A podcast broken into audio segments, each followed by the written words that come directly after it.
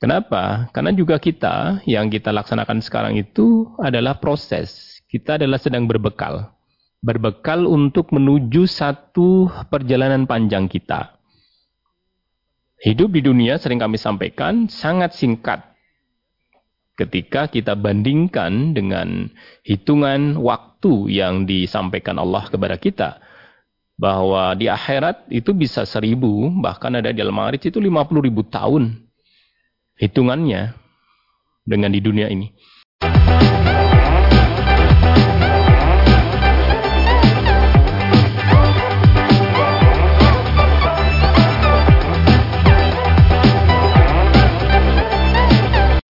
Bismillahirrahmanirrahim. Assalamualaikum warahmatullahi wabarakatuh. Saudaraku pemirsa channel terpilih MTA TV di mana pun anda berada Puji syukur Alhamdulillah Senantiasa kita panjatkan kehadirat ilahi Robbi Allah subhanahu wa ta'ala atas genap karunia nikmat dan juga rahmatnya untuk kita semua di perjumpaan awal aktivitas pagi hari ini. Kita jumpa kembali di program unggulan Fajar Hidayah dan Alhamdulillah kita sudah terkoneksi dengan beliau Ustadz Suprapto STHI MPI yang nanti akan melanjutkan pelajaran sekaligus memberikan pencerahan untuk kita semua di kesempatan kali ini. Assalamualaikum warahmatullahi wabarakatuh Ustadz. Waalaikumsalam warahmatullahi wabarakatuh, Mas Tommy. Ya. Kabar baik dan sehat pagi ini, Ustaz? Alhamdulillah, alhamdulillah sehat. Alhamdulillah, ya.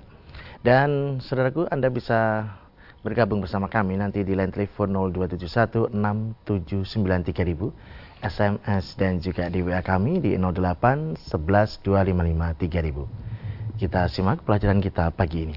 Silakan Ustaz. Baik, bismillahirrahmanirrahim. Assalamualaikum warahmatullahi wabarakatuh. Alhamdulillahi Rabbil wa nasta'inu nastaghfiruh Wa na'udzu billahi min syururi anfusina Wa min sayyati a'malina. May yahdihillahu fala mudhillalah Wa man yudlil fala hadiyalah Asyhadu an la ilaha illallah Wa asyhadu anna muhammadan abdu rasuluh. Allahumma salli ala Muhammad Wa ala alihi wa ashabihi Wa man tabi'ahu daum bisani la yaumiddin. Amma ba'd وقال تعالى أعوذ بالله من الشيطان الرجيم بسم الله الرحمن الرحيم يا أيها الذين آمنوا اتقوا الله حق تقاته ولا تموتن إلا وأنتم مسلمون وقال ما يلفظ من قول إلا لديه رقيب عتيد Bapak dan Ibu yang hormati, yang berbahagia, saudara-saudari semuanya, kita bersyukur kepada Allah Sebagaimana apa yang sudah kita lafatkan ketika Allah membangunkan kita di pagi tadi. Kita bersyukur alhamdulillahilladzi ahyana ba'da ma amatana wa ilai nusur. Jadi kita sudah bersyukur oleh karenanya kita sudah mengikrarkan dengan kesyukuran itu untuk hari ini kita bisa lebih baik lagi. Hari ini kita bisa memanfaatkan waktu yang Allah berikan kepada kita dengan sebaik-baiknya. Karena dalam bahasa yang paling simple ketika bersyukur ya kita melaksanakan apa yang Allah perintahkan dan meninggalkan apa yang dilarangnya. Atau kita takwa itu bentuk syukur kita. Tarkul ma'asi itu bentuk syukur kita. Meninggalkan yang maksiat, maka itu syukur kita kepada Allah Subhanahu wa taala. Dan di pagi hari ini kami mengingatkan juga kepada uh, kita, kepada kita semuanya, diri kami khususnya, Bentuk rasa syukur itu ketika kita juga belajar. Belajar untuk mengingat kembali apa yang sudah kita dapatkan dari ustadz-ustadz kita. Kemudian peringatan-peringatan itu senantiasa menjadi pengingat kita sebagai uh, penunjuk arah kita dalam melaksanakan kehidupan di muka bumi ini. Karena insya Allah apa yang disampaikan ustadz-ustadz kita itu tentu mendasarkan kepada Quran dan Sunnah sebagai dua sumber hukum kita di agama Islam. Dan pagi ini kita mencoba untuk mengingat kembali sebenarnya apa yang terjadi di sekitar kita kalau kita melihat untuk hal-hal yang besar lah ya yang sekarang sangat viral di media tentang bagaimana ketika seseorang itu sudah memiliki uh, kekuasaan, memiliki satu uh, power, satu uh, kekuatan, terkadang akan lupa ya, lupa pada apa yang Allah gariskan terkait dengan amanah yang dipikulnya. Di bidang-bidang uh, peradilan, di bidang-bidang uh, kemanusiaan yang lain yang sifatnya mereka akan memberikan uh, bantuan, memberikan pelayanan, memberikan arahan, toh kemudian ketika orang-orang yang ada di dalamnya tidak mengingat kembali apa yang menjadi tujuan hidupnya itu akan menjadi mudah untuk tergoda, mudah untuk terlena. Hal-hal yang kemudian seharusnya tidak diambil, diambil. Hal-hal yang seharusnya tidak dimanfaatkan, dimanfaatkan. Dan lain sebagainya. Ini yang kita lihat di kehidupan kita. Dan itu bisa saja menimpa diri kita, ya, diri kita, saya, kita semuanya ketika peringatan-peringatan Allah SWT dan juga peringatan-peringatan Nabi kita itu tidak kita indahkan atau ketika kita jauh ya menjauh kata-kata menjauh itu ada dua menjauh dalam sisi jarak kita menjauhi pengajian-pengajian yang biasa kita laksanakan atau kita lakukan atau secara uh, hati Walaupun kita ada di dalam sebuah pengajian, sebuah forum-forum yang kemudian di dalamnya mengingatkan kita, tetapi hati kita tidak in, hati kita tidak masuk dalam uh, hat, uh, suasana ini. Hati kita ada di luar, hati kita ada di uh, luar dinding gedung-gedung uh, pengajian kita. Hati kita kita tutup dengan uh, nafsu kita. Oleh karenanya tadi disampaikan di awal ayat bahwa betul-betullah kita bertakwa kepada Allah dan jangan sampai kita mati kecuali kita dalam keadaan Islam. Kenapa? Karena juga kita yang kita laksanakan sekarang itu adalah proses. Kita adalah sedang berbekal. Berbekal untuk menuju satu perjalanan panjang kita. Hidup di dunia sering kami sampaikan sangat singkat ketika kita bandingkan dengan hitungan waktu yang disampaikan Allah kepada kita bahwa di akhirat itu bisa seribu bahkan ada di dalam hadis itu lima puluh ribu tahun hitungannya dengan di dunia ini apalagi ketika kita bicara tentang waktu tentu berbeda waktu di sana dengan waktu di sini tidak 24 jam lagi karena sudah hukumnya hukum Allah bukan bukan di dunia ini seperti ini. Oleh karenanya di uh, sebuah ayat disampaikan dan kami tadi menyampaikan mayal fidu min illa ladaihi raqibun atid. Kita senantiasa ingatlah bahwa apa pun yang kita omongkan, apalagi yang kita kerjakan ya, melekat di hati kita, melekat di badan kita, melekat di jiwa kita ini, melekat di uh, badan kita ini, Raqib dan Atid, malaikat yang senantiasa akan melihat, mencatat. Ini yang kemudian e, perlu kita sadari sehingga apa pun kemudian amanah yang diberikan kepada kita, bentuk kekuasaan kita di perusahaan, di desa, di kecamatan, kabupaten, provinsi, bahkan negara atau di departemen-departemen atau di mana pun tempat di mana kemudian kita menjadi roain, menjadi pemimpin yang memiliki uh, uh, otoritas memiliki kekuasaan itu akan senantiasa ingat bahwa kalau kita sebagai orang beriman senantiasa akan sadar bahwa di samping kanan kira kita, uh, samping kanan dan kiri kita ini ada malaikat yang senantiasa mengawasi kita. Sehingga ketika para uh, pengamat mengatakan bahwa uh, ketika ada sebuah lembaga, ada pengawas, maka pengawasnya harus ada pengawasan lagi. Nah, kita kan susah. Siapa yang akan mengawasi? Maka pengawasan yang paling melekat adalah keyakinan kita, iman kita kepada Allah bahwa rokib dan atid itulah yang kemudian menjadi uh, warning kita. Apa pun yang yang kita kerjakan, kita lakukan, kita ucapkan sampai satu huruf pun itu senantiasa tercatat.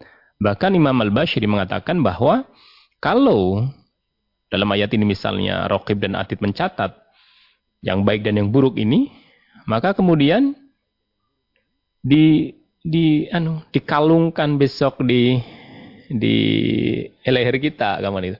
Artinya dikalungkan maksudnya didekatkan kepada kitab kita. Dan besok kita kan membaca kitab kita sendiri, maka betapa sangat adilnya Allah ketika Allah sudah mengabarkan bahwa apa pun yang kamu kerjakan nanti akan dicatat. Akan ada uh, notulensinya. Kemudian ketika besok di akhirat, kamu akan membaca ikro kitabak kafa binafsikal yauma alaika hasiba. Bacalah kitabmu, cukup dirimu sendiri pada waktu ini sebagai penghisap terhadapmu. Jadi betapa kemudian kalau kita berpikir sekarang, tidak akan bisa kita mengatakan terkait dengan keadilan Tuhan dalam meng, dalam menghukum, dalam memberikan hisab ya, perhitungan itu kita pertanyakan. Karena Allah sendiri menyampaikan kepada kita, menfirmankan kepada kita melalui Rasulnya dan sampai kepada kita ini dalam kitab Al-Quran ini bahwa cukup bagi kamu. Kitab yang kamu sudah catat itu, yang sudah kamu tulis itu sejarah hidupmu itu, baik dan buruknya itu, itu kamu baca, silakan. Kamu nanti akan seperti apa posisinya. Maka luar biasa, Siapa pun kita orang yang berakal akan paham bahwa bagaimana kita akan bisa menghindar ketika pengawasan itu sangat melekat kepada kita dan besok akan disampaikan kepada kita. Ini yang kemudian uh, Bapak dan Ibu serta saudara di pagi hari ini, mari sama-sama kita mengingat kembali bahwa hari ini catatan-catatan amal kebaikan kita harus yang paling banyak. Semaksimalnya hal yang tidak baik, kadang yang tidak sengaja ya. Kalau sengaja mungkin ya dari kita sadar ya mudah-mudahan tidak akan ke sana. Tapi ketika tidak sadar eh, hal-hal yang eh, kita kadang berbuat salah dan itu tidak sadar itu yang kadang bisa juga tercatat sebagai hal yang tidak baik oleh karenanya tadi kami sampaikan syukur kita dengan meninggalkan sesuatu yang dilarang oleh Allah atau kita meninggalkan yang maksiat kemudian kita perbaiki kita perbanyak lembaran-lembaran pada hari ini di 24 jam kita ini dengan catatan-catatan yang baik. Kenapa? Karena sebaik-baik uh, bekal kita menuju ke akhirat besok adalah takwa. Watazawadu fa inna khair zadi taqwa wattaquni ya ulil albab. Dan berbekallah. Tentu berbekal dengan sebanyak-banyak bekal dan sebaik-baik bekal fa inna khair zadi dan sebaik-baik bekal bagi kita, orang yang beriman adalah ketakuan kita, ketunduk patuhan kita dengan amal-amal yang harus kita kerjakan dalam rukun Islam kita. Yang kemudian betul-betul didasari dengan keimanan kita. Tanpa itu, kita dianggap kurang bekalnya. Tanpa itu, kita tidak ada jaminan bagaimana kita akan memasuki satu gerbang yang jelas pastinya gerbang kematian ini yang kemudian pasca kematian ini yang di barza ini yang juga merupakan satu perjalanan panjang kita. Perjalanan panjang dimaksudlah kita dalam posisi menunggu. Menunggu sampai kemudian Allah memberikan uh, waktunya bahwa telah datang hari kiamat, hari berbangkit. Masalahnya adalah Bapak dan Ibu, mungkin perlu kami bacakan sebuah hadis yang kemudian ini e, menjadi pengingat betul untuk kita bahwa jalan panjang kita ini ditentukan dengan waktu yang sempit ini. Makanya kita seperti e, pengembara yang kemudian berteduh e, karena e, untuk meminum seteguk air, kemudian kita akan berjalan lagi, perjalanan lebih panjang lagi. Kita kan masih ada dua stasiun, station yang sekarang ya, kita sedang hidup di dunia ini, kita berbekal semaksimal yang kita mampu dengan tentu koridor agama yang sudah dengan Quran dan Sunnah ini. Kemudian station kedua di barzah, station ketiga nanti ketika kiamat ke sana. Masa hitung dan nanti ke nah, di mana tempat kita. Dalam hadis kami bacakan, Ani bin Umar, ini dari Ibnu Umar, anna Rasulullah sallallahu alaihi wasallam qala Inna ahadakum idza mata uridu alaihi maq'aduhu bil ghadati wal ashiyyi. In kana min ahlil jannah famin ahlil jannah. Wa in kana min ahlin nar famin ahlin nar. Yuqal hada maq'aduka hatta yab'atsuka Allahu ilaihi yaumal qiyamah. Ini diriwayatkan oleh Muslim.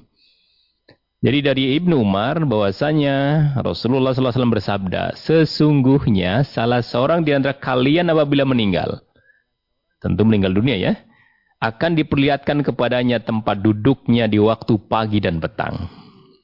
Ini yang kami sampaikan tadi. Masalah kita itu ini. Ketika kita sudah meninggal dunia, kemudian kita di dalam barzah, setiap pagi dan petang, artinya berarti kan sepanjang itu ya, sepanjang kita menunggu akan diperlihatkan tempat kita. Jika ia termasuk ahli surga, maka akan diperlihatkan surga kepadanya. Dan jika ia termasuk ahli neraka, maka akan diperlihatkan neraka padanya. Lalu dikatakan kepadanya, ini adalah tempatmu hingga Allah akan membangkitkan kamu pada hari eh, kiamat. Hadis riwayat Muslim juz 4 halaman 200 eh, 2199. Uh, Bapak dan Ibu yang kami mati, inilah kemudian pengingat-pengingat kita. Apa kemudian yang akan kita cari di dunia ini selain mencari keridhaan Allah Subhanahu wa taala? Selain bagaimana kita mencoba dengan keimanan kita untuk bisa mengamalkan semaksimal yang kita bisa untuk mencari bekal sebanyak-banyaknya dalam perjalanan kita ke ke akhirat. Bapak dan Ibu, sering kami sampaikan bahwa masalah tadi ya sampaikan bahwa ini masalahnya ketika di barzah. Orang yang meninggalnya pada waktu Nabi diutus. Saya pakai mungkin hijriah sajalah. Ketika Nabi hijrah lah yang paling kekinian sekarang. Sudah 1444 misalnya. Maka orang yang meninggal dunia pada waktu Nabi hijrah ke Madinah setelah 14-an tahun beliau sebagai nabi ya. Kan ada yang ada yang kafir itu, ada yang munafik itu. Maka orang yang munafik tadi, orang yang kafir tadi dan juga orang yang beriman di Sayyidah Khadijah Khadijah misalnya. Orang yang beriman itu, orang yang kafir itu, orang yang munafik itu, sekarang kan sedang ada di barzah sudah 1400-an tahun. Ketika meninggalnya kita hitung di nol hijriyah ya. Selama 1400 tahun lebih ini, setiap hari diperlihatkan. Kalau saya ahli neraka ya, itu tempat saya. Ketika saya di surga, itu ya tempat saya. Betapa kemudian rasa gundah, rasa galau, rasa takut, rasa menyesal untuk kita dikembalikan ke dunia agar kita bisa berbuat sesuatu yang baik untuk bekalnya itu sudah tidak bermanfaat. Dan itu berulang setiap hari ribuan tahun besok sampai hari kiamat itu akan diperlihatkan. Maka siksa di barzah itu secara psikis luar biasa kalau kita rasakan sekarang. Bayangannya kalau kita kalau di dunia ya kita mimpi-mimpi yang buruk. Kalau kita mimpi buruk itu kan kemudian setiap malam kita mimpi buruk kan luar biasa. Betapa kita sangat terguncang hatinya, jiwa kita. Tapi kalau kita mimpinya yang indah, mimpi yang bagus, senang-senang saja. Makanya orang yang kemudian diperlihatkan hal-hal yang tidak baik, di neraka maksudnya, itu kan tidak mau kiamat itu datang. Karena tentu lebih, lebih sadid lagi, lebih alim lagi, lebih pedih lagi. Maka kami mengajak kepada diri kami pribadi dan juga Bapak Ibu semuanya, mari dengan antusias, dengan penuh semangat, kita song-song hari ini, di hari Jumat ini, untuk bisa uh, lebih giat lagi apalagi di bulan Rabiul Awal ada satu momentum Nabi kita Muhammad SAW lahir yang menjadi penanda bahwa beliau sebagai nabi dan rasul yang terakhir dan kita menjadi umatnya. Sekali lagi kita menjadi umatnya. Jangan sampai kita lupa bahwa imam kita adalah Nabi kita Muhammad SAW yang akan membimbing kita akan menghadap kepada Allah dan kita ada di belakang Nabi kita Muhammad wasallam. Oleh karenanya mudah-mudahan di pagi hari ini kami mengajak antusiaslah kita semuanya telah diberikan Allah kesempatan kembali siapa pun kita yang sedang sakit, yang sehat dan sebagainya, mari sama-sama kita semaksimalnya untuk bisa beristighfar, untuk bisa beribadah, untuk bisa bertasbih, untuk bisa bertahmid, untuk bisa bertahlil kepada Allah di hari ini. Karena tidak ada jaminan apakah di waktu yang akan datang, hari yang berganti, Allah memberikan kesempatan hidup kepada kita. Mudah-mudahan apa yang kami sampaikan menjadi pengingat kita bersama bahwa sebaik-baik bekal adalah ketakwaan kita kepada Allah.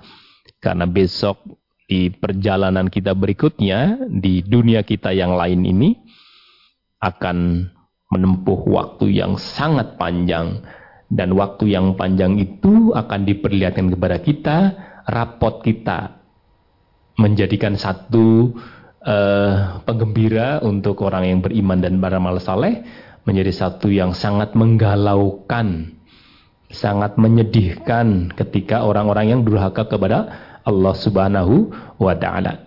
Ini yang bisa kami sampaikan, mudah-mudahan bermanfaat dan uh, waktu kami kembalikan kepada uh, Mas Tommy. Ya. Baik pemirsa, kami harapkan Anda bisa bergabung bersama kami nanti di line telepon 02716793000. SMS dan juga di WA kami di 08 11 255 3000. Namun sebelumnya kita akan simak beberapa informasi dalam rangkaian jeda pariwara berikut ini. Baik saudaraku pemirsa channel terpilih MTA TV di mana pun Anda berada, terima kasih Anda masih setia bersama kami, khususnya di program Unggulan Fajar Hidayah pagi ini. Kesempatan pertama kami persilahkan yang ada di line telepon 02716793000 untuk bisa bergabung. Halo, Assalamualaikum. Waalaikumsalam warahmatullahi wabarakatuh. Ya, dengan siapa di mana Ibu? Dengan Ibu Sri Mas di Pacitan. Ibu Sri silahkan. Iya, terima kasih. Assalamualaikum warahmatullahi wabarakatuh, Ustaz. Waalaikumsalam warahmatullahi wabarakatuh, Ibu Sri. Iya, terima kasih.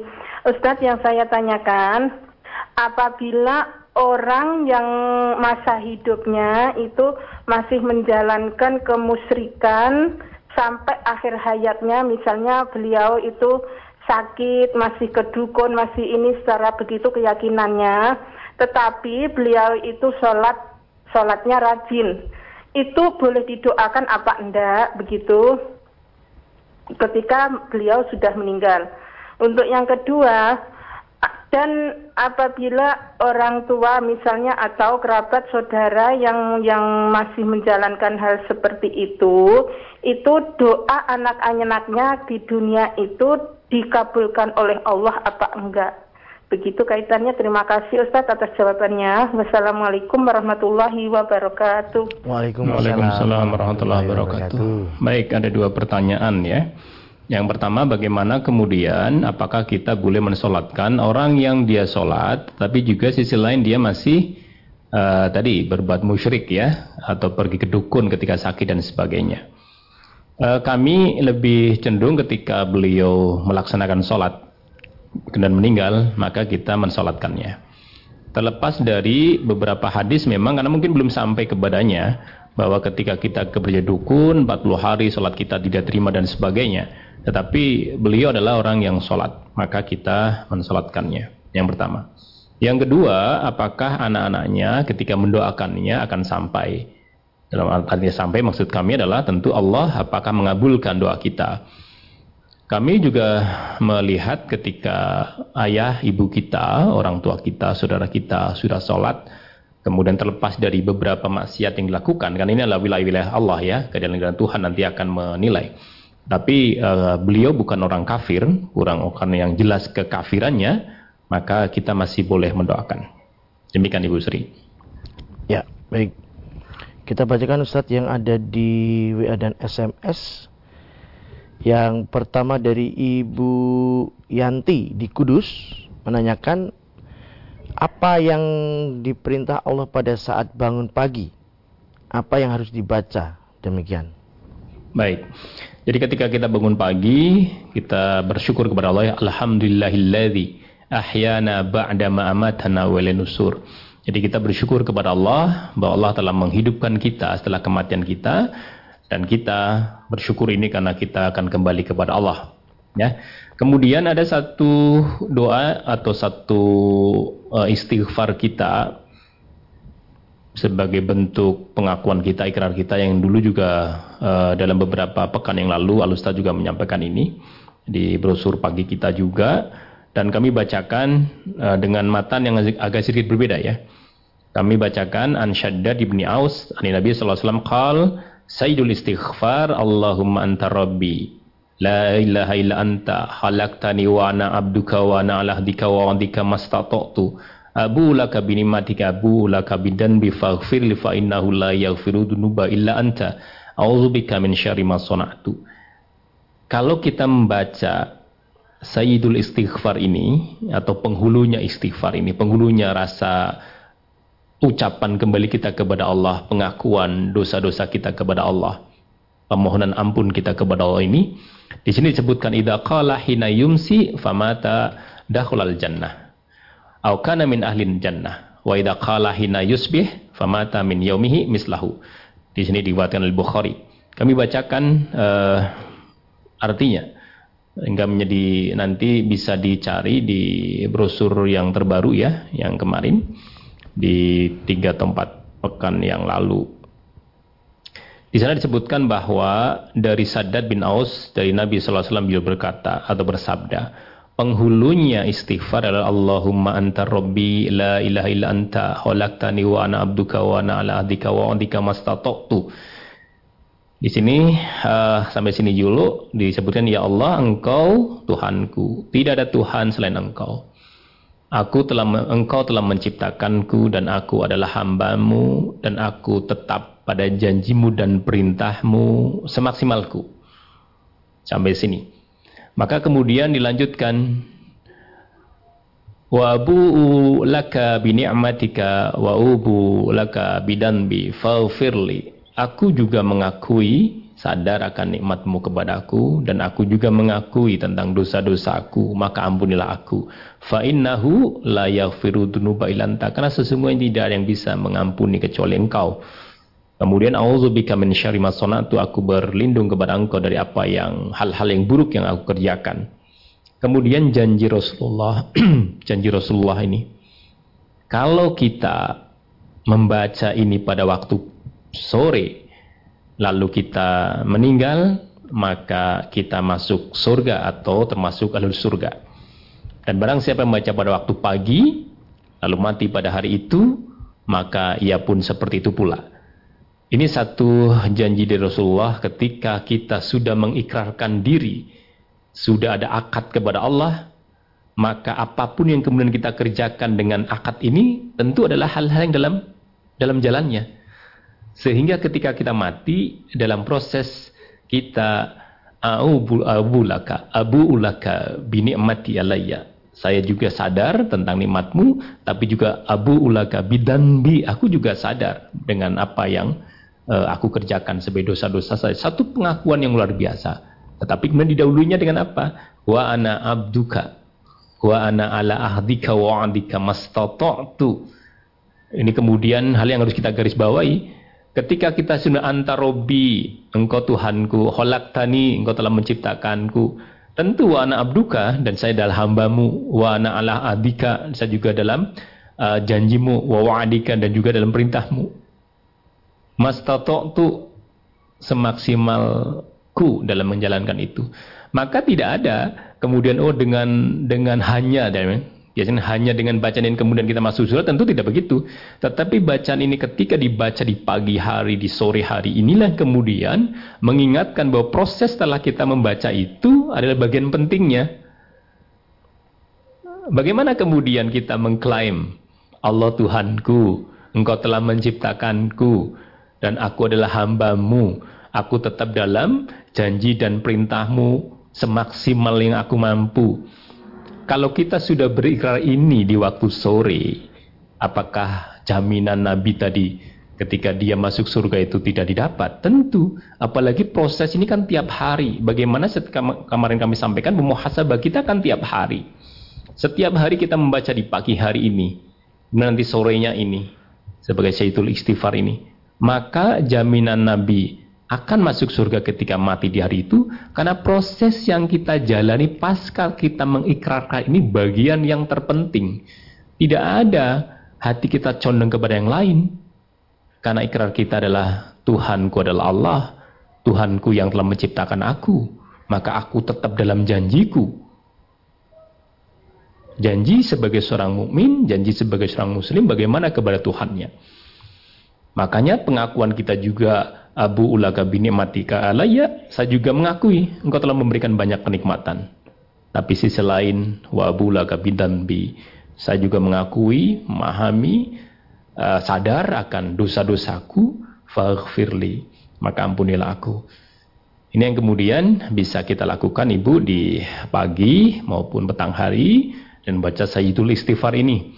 Sehingga kalau kita sudah membaca ini, tentu bacaan ini kita baca ketika mungkin kalau sore ya, sore habis uh, asar atau mungkin habis maghrib, kalau uh, pagi kita mungkin habis subuh tadi, sehingga proses subuh sampai duhur, duhur sampai asar, asar sampai maghrib, maghrib sampai nanti subuh lagi, itu adalah waktu-waktu yang kita pakai dengan semaksimalnya dalam konteks keataatan kepada Allah Subhanahu wa taala dan Rasulnya.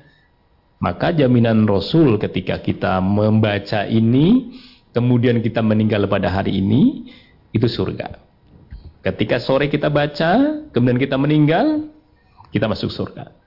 Itu yang kita harapkan. Makanya bagaimana uh, zikir kita kepada Allah dari setiap waktu ini akan muncul ketika akad awal ketika kita bangun tidur memasuki waktu pagi ketika kita akan tidur memasuki waktu petang sudah dikunci. Kita sudah mengunci diri tentang keimanan kita kepada Allah, tentang i'tiraf kita, pengakuan kita kepada Allah sebagai seorang hamba, sebagai seorang abad ya, seorang uh, budak yang tentu harus taat dan patuh kepada tuannya. Dalam hal ini berarti raja kita Allah Subhanahu wa taala. Oleh karenanya uh, Ibu yang bisa salah satu ya zikir yang bisa kita lafadkan adalah Sayyidul Istighfar ini. Mudah-mudahan bisa dipahami. Ya. Baik, kita lanjutkan yang ada di line telepon kembali di 6793000 kami persilahkan. Halo, Assalamualaikum. Halo, Assalamualaikum. Halo, Assalamualaikum. Silakan Bapak atau Ibu sudah terkoneksi? Ya, kami tunggu berikutnya. Kita bacakan Ustadz yang ada di SMS dan WA kembali dari Bapak Marianto di Sumedang, Jawa Barat. Seperti yang telah Ustadz sampaikan, ketika seseorang punya pangkat dan jabatan tinggi atau power, mereka sering berbuat yang tidak sesuai ketentuan. Pertanyaannya, apakah seseorang kalau punya power itu menjadi tidak amanah, sering lupa atau mengedepankan hawa nafsu duniawinya Ustadz? Mohon tausiahnya. Yeah. Baik, jadi kata-kata kita menzalimi kata-kata kita berbuat yang tidak baik ya, itu karena kita lebih ya. Jadi power mungkin lebih mudah kita pakai. Tapi dalam posisi-posisi kecil pun kita sebagai suami kan punya power ya, roin kita pemimpin juga punya punya posisi. Itu pun bisa kita uh, terjerumus kepada hal-hal yang kalau bahasa yang paling keren abuse of power ya. Karena kita suami kemudian kita uh, semena-mena pada istri dan sebagainya pada anak dan sebagainya. Maka kalau pertanyaan adalah apakah setiap orang yang punya power kemudian akan uh, ter uh, apa uh, terbawa kepada tidak amanah kemudian uh, menuruti hawa nafsu? Tidak juga.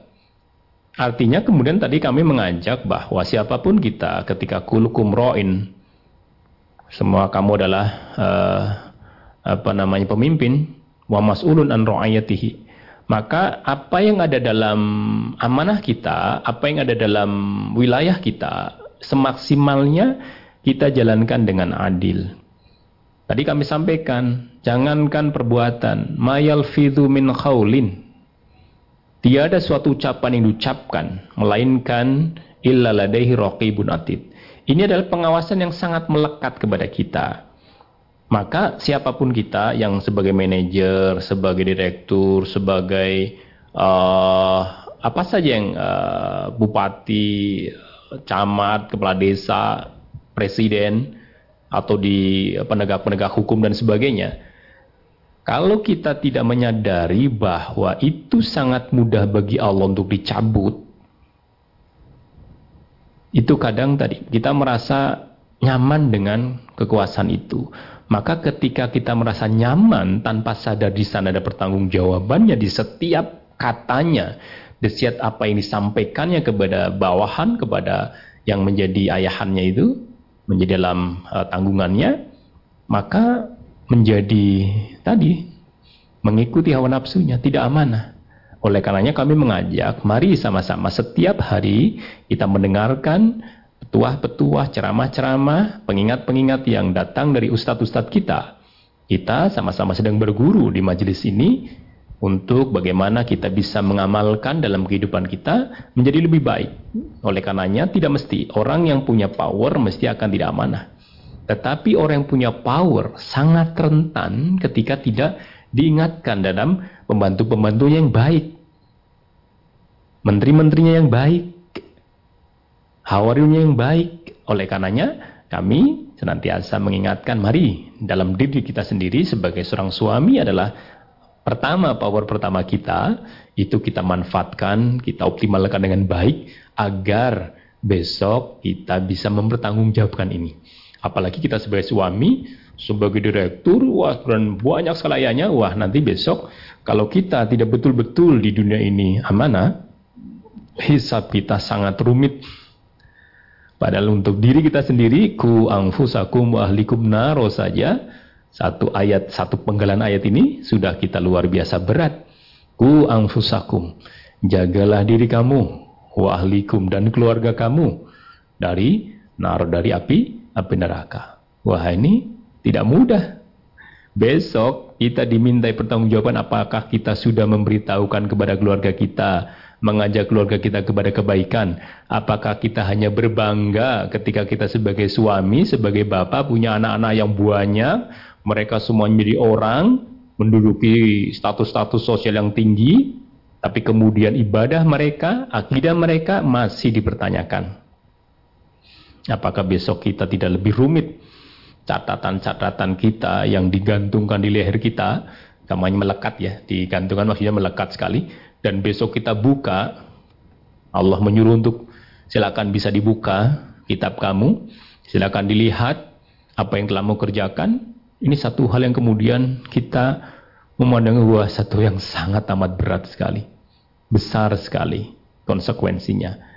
Oleh karena itu, Eh, Bapak kami tetap yang di Sumedang ya, kami sampaikan bahwa kita apalagi di pengembangan-pengembangan amanah ini, yang di majelis ini khususnya ya, kalau sekarang kita bicara di kemajelisan, jadi tetap apa yang disampaikan oleh Alustad, tugas kita apa, sudah kita sesuai tupoksi kita semaksimalnya, kita bagaimana pengajian bisa berjalan dengan baik, kita bisa tahu warga kita, kita bisa menjadi uh, kalau dalam bahasa agama kan pemimpin itu kan berarti pelayannya kita bisa melayani apa yang menjadi kebutuhan-kebutuhan mereka dalam agama, kebutuhan-kebutuhan mereka dalam kehidupan sehari-hari untuk kita bisa memberikan solusi-solusinya. Sehingga kalau kita berpikirnya, oh saya berarti di cabang misalnya, dengan berapa orang, itu menjadi uh, kekuasaan saya, kekuasaan dalam arti uh, amanah saya maksudnya, amanah saya, yang kami akan mempertanggungjawabkan. Nah itu yang kemudian uh, berkembang kepada hal-hal lain kita sebagai ketua cabang atau ketua perwakilan, kita sebagai ketua kepala sekolah, kita sebagai oh, direktur, apalagi sebagai perusahaan dan sebagainya. Semakin banyak hal yang kita pegang, maka setiap lini ini menjadi hal-hal yang harus dipertanggungjawabkan.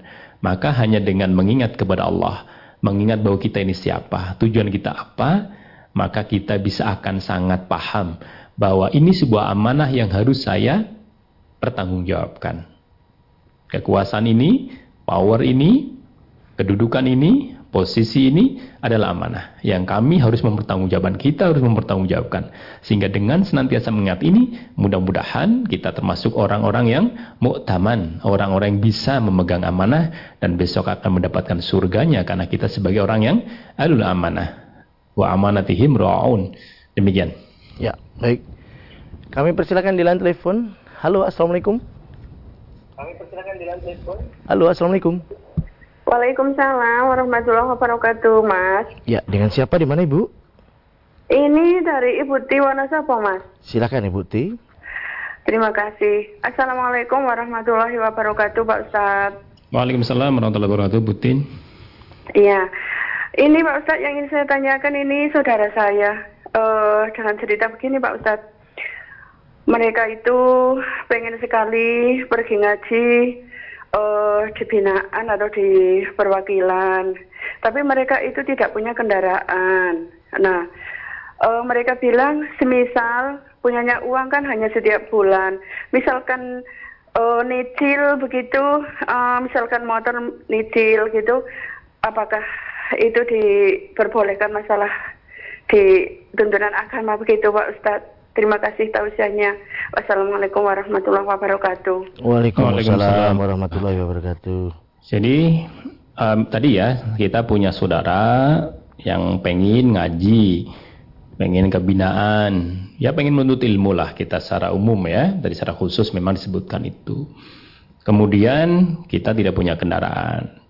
Apakah boleh kalau kemudian kita karena punya kadang dapat insentifnya atau dapat gaji lah ya. Tadi itu tiap bulan apakah kita kemudian bisa mencicil kendaraan? Kira-kira begitu pertanyaan yang saya pahami. Kalau dalam posisi ini tidak mengapa ibu. Jadi misalnya mencicil yang dimaksud begini bu ya. Jadi kita kan ini punya teman punya saudara. Ada ini atau apa namanya uh, uh, showroom ya atau apa tuh? Dealer nah dealer. Kita kemudian datang ke sana ada mobkas misalnya atau uh, motor bekas lah.